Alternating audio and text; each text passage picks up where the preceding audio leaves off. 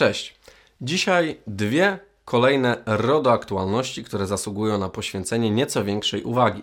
W obu przypadkach bohaterem jest Wojewódzki Sąd Administracyjny w Warszawie i jego orzeczenia, o których ostatnio głośno w branży ochrony danych osobowych. Pierwsze orzeczenie jest związane z tak zwaną retencją, czyli ustalaniem okresu przechowywania danych osobowych. Wnioski z tego orzeczenia zainteresują każdego, kto w swojej firmie czy urzędzie przechowuje dane osobowe dłużej niż czas realizacji umowy o współpracy. Czyli w praktyce dotyczy to pewnie każdej firmy i urzędu w Polsce. Drugie orzeczenie dotyczy odpowiedzialności tak zwanego procesora, czyli podmiotu przyjmującego dane osobowe w powierzenie. Wnioski z tego orzeczenia zainteresują Cię z kolei i jeżeli powierzasz jakieś dane osobowe podwykonawcom, na przykład w związku z realizacją usługi outsourcingu kadr, płac czy IT. Orzeczenie zainteresuje też e, szczególnie drugą stronę tej relacji, czyli każdego, kto sam występuje w roli procesora i przyjmuje dane osobowe powierzane mu przez administratorów. Czyli w praktyce też dotyczy to pewnie każdej firmy i urzędu w Polsce. Jednym słowem, chcesz być na bieżąco z ochroną danych osobowych? No to czas na RODO. Zanim przejdę do omawiania orzeczeń, jeszcze tylko jedno małe wyjaśnienie na sam początek. Przypominam Ci, że w Polsce, w przeciwieństwie na przykład do Stanów Zjednoczonych czy Wielkiej Brytanii, nie obowiązuje system prawa precedensowego. Czyli wszystkie te orzeczenia, o których dzisiaj Ci opowiem, nie są prawnie wiążące dla innych sądów i dla UODO. Każdy sąd musi potraktować nawet bardzo podobną sprawę w zupełnie indywidualny sposób, tak jakby zdarzyła się po raz pierwszy. Jakkolwiek mogę Ci zagwarantować, że każde z tych orzeczeń może być i pewnie będzie istotną wskazówką przy orzekaniu przez inne sądy. Pełnomocnicy stron na pewno przypomną je sędziemu. Przechodzimy do omówienia pierwszego z orzeczeń w USA retencja danych osobowych. Temat okresu przechowywania danych osobowych do dzisiaj nie doczekał się zbyt bogatego orzecznictwa. Brakuje też niestety praktycznych wskazówek Urzędu Ochrony Danych Osobowych dotyczących ustalania okresów retencji. Brakuje też dobrych narzędzi IT, które umożliwiłyby szybkie, automatyczne, efektywne usuwanie danych po upływie okresu retencji. W praktyce większość administratorów podchodzi do retencji w sposób następujący. 1. Jeżeli jest jakaś specjalna ustawa, która reguluje okres retencji, to trzymamy dane osobowe tak długo, jak długo nakazuje nam ta ustawa. Na przykład kodeks pracy, który nakazuje przechowywanie dokumentacji pracowniczej przez ustalony okres 10 albo 50 lat, w zależności od daty podjęcia zatrudnienia. No i drugi scenariusz. Co jeśli nie ma takiej ustawy?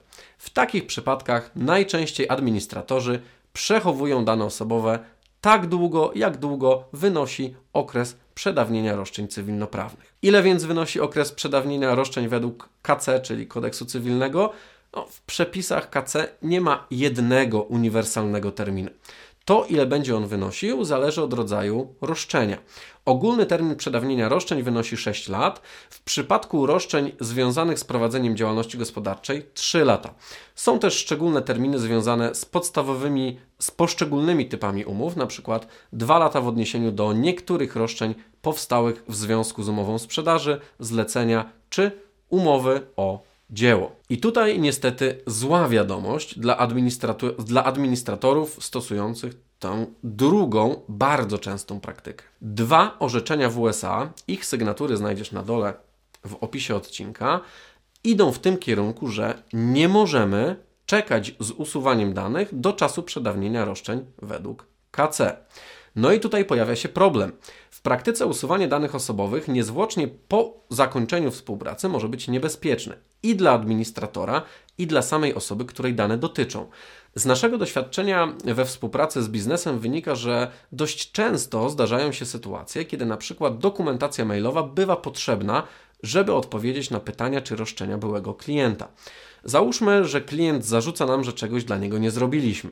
Tymczasem w rzeczywistości mail z wykonaną usługą trafił na przykład do filtra antyspamowego klienta i gdzieś tam został po drodze zapomniany, usunięty. Po pozbyciu się danych osobowych klienta, w tym maila, niezwłocznie po ich wysyłce, po realizacji e, zlecenia, nie będziemy mogli łatwo wyjaśnić całej tej sytuacji. Ani my, jako administrator, nie będziemy zadowoleni, ani klient, czyli takie przeciwieństwo win-win, czyli loss-loss. Każdy traci. Przypominam też, że w momencie wdrażania RODO w Polsce Ministerstwo Cyfryzacji w zdroworozsądkowy sposób motywowało długość okresów retencyjnych, uzależniając go właśnie od okresów przedawnienia roszczeń. Na pocieszenie mam dla Ciebie trzy ważne obserwacje. Póki co sądy ani Urząd Ochrony Danych Osobowych nie karały finansowo za okresy retencyjne pokrywające się z okresami przedawnienia roszczeń. Po drugie, to o czym mówiłem na początku. Sądy orzekały w bardzo konkretnych i specyficznych sytuacjach, a w naszym kraju nie obowiązuje prawo precedensu. No i po trzecie, nasza obserwacja związana z działaniem samych pracowników UODO. Wielokrotnie podczas różnych naruszeń kontroli czy postępowań pokazywaliśmy urzędnikom UODO rejestry czynności przetwarzania czy obowiązki informacyjne z okresami retencji powiązanymi właśnie z okresem przedawnienia roszczeń. Nigdy nie spotkaliśmy się z sytuacją, żeby organ kwestionował takie zapisy w naszych procedurach czy dokumentacjach. Każdy administrator musi niestety samodzielnie podjąć tę trudną decyzję. Musisz więc wybrać pomiędzy ryzykiem pozbawienia się argumentów przed sądem w toku ewentualnego procesu z klientem i pomiędzy ryzykiem potencjalnego otrzymania kary finansowej ze strony UODO. Co może Ci w tym wyborze pomóc? Bardzo polecam Ci najnowsze stanowisko ZFODO, czyli Związku Firm Ochrony Danych Osobowych.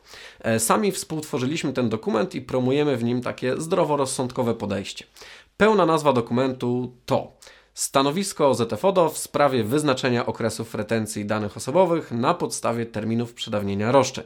Stanowisko znajdziesz na stronie internetowej ZFODO i oczywiście na dole w opisie odcinka. Osobiście mam nadzieję, że w tej sprawie przeważy właśnie podejście zdroworozsądkowe i już wkrótce doczekamy się bardziej życiowych orzeczeń czy interpretacji. E, są one bardzo potrzebne, szczególnie teraz, w kontekście silnej krytyki, z którą spotykają się przepisy RODO. Niedawno rzecznik generalny TSUE uznał, że aktualne podejście do RODO przekształca je, cytuję z głowy, i jedno z najbardziej de facto lekceważonych ram prawnych w prawie Unii. Według mnie, co ciekawe, to nie samo RODO jest winne, tylko właśnie to, w jaki sposób bywa ono czasami interpretowane. Przechodzimy do omówienia orzeczenia numer 2. Odpowiedzialność procesora. Teraz będzie o zdecydowanie mniej kontrowersyjnym orzeczeniu w USA. Wracamy do sprawy ID Finance, o której pisaliśmy już na naszym blogu. Link znajdziesz na dole w opisie odcinka. W dużym uproszczeniu, ID Finance to właściciel portalu pożyczkowego moneyman.pl. Baza danych należąca do tej firmy była hostowana przez białoruską firmę. W następstwie ataku hakerskiego na bazę dane stały się ogólnodostępne. Spółka ID Finance zgłosiła incydent do Urzędu Ochrony Danych, no i wtedy zaczęło się standardowe postępowanie. Tym razem nie skończyło się na samej notyfikacji naruszenia, e, dlatego że UODO wydał decyzję administracyjną, karząc ID Finance kwotą ponad 1 miliona złotych. Wysokość kary była motywowana m.in. skalą naruszenia, no bo wyciekły w końcu dane osobowe ponad 100 tysięcy osób. W tej sytuacji urząd ukarał administratora, mimo że bezpośrednią przyczyną wycieku były zaniedbania po stronie białoruskiej firmy hostingowej. Czyli parafrazując klasyka, procesor zawinił, administratora ukarali. I teraz, co ciekawe, Wojewódzki Sąd Administracyjny spojrzał na tę sprawę inaczej. Sąd uznał, że kara nie jest w porządku względem ID Finance. To procesor, czyli białoruska firma, ponosi odpowiedzialność za zaistniałą sytuację. Jakie z tego wnioski? Jeżeli jesteś administratorem danych, możesz spać nieco spokojniej. Oczywiście pod warunkiem, że podpiszesz z procesorem dobrą umowę powierzenia i przeaudytujesz podmiot, któremu przekazujesz dane osobowe. Jak to zrobić? Dużo poradników i materiałów na ten temat znajdziesz na naszym blogu i kanale Czas Narodo. Linki oczywiście na dole w opisie odcinka. No a co jeżeli stoisz po drugiej stronie barykady? Jesteś procesorem. No to wiedz, że coś się dzieje. Okres bezwarunkowego karania administratorów za błędy podmiotów przetwarzających chyba powoli się kończy. Oczywiście nie oznacza to, że musisz zawijać biznes i uciekać do państw rodoodpornych. E, wystarczy, że ogarniesz RODO w swojej firmie w przynajmniej podstawowym zakresie. Jak to zrobić? Na dobry początek obejrzyj koniecznie nasz poradnik, w którym tłumaczę w 15 minut, jak być zgodnym z RODO. Link znajdziesz oczywiście na dole w opisie odcinka. Podsumowując, mógłbym powiedzieć, czas bezkarności procesorów i przechowywania danych osobowych na zapas dobiegł właśnie końca. Ale tak nie powiem bo byłby to zbytni skrót myślowy. Po pierwsze, dlatego, że żaden z omawianych w tym odcinku wyroków nie jest precedensowy, tylko i aż są to orzeczenia sądowe i nie są wiążące w przyszłych sprawach tego typu. Ale musisz je znać, bo to właśnie te orzeczenia będą w najbliższych miesiącach i latach pewnym punktem odniesienia dla Urzędu Ochrony Danych i kolejnych sądów administracyjnych. Dlaczego jeszcze nie chciałbym używać takiego skrótu myślowego? No bo byłby on krzywdzący dla setek tysięcy podmiotów przetwarzających, którzy rzetelnie wykonują swoje zadania. Byłby też krzywdzący dla setek tysięcy administratorów danych, dla których przechowywanie danych do czasu wygaśnięcia okresu przedawnienia roszczeń nie jest żadnym kaprysem, a koniecznością. O czym jeszcze warto pamiętać? Jeżeli chcesz być na bieżąco z naszymi RODO Newsami, zasubskrybuj nasz kanał. Gdzieś tutaj na dole powinny znaleźć się przyciski do subskrypcji. No i kliknij w dzwoneczek. Dzięki nam najważniejsze RODO aktualności i wnioski z nich płynące na pewno Cię nie ominą. Do zobaczenia. Cześć.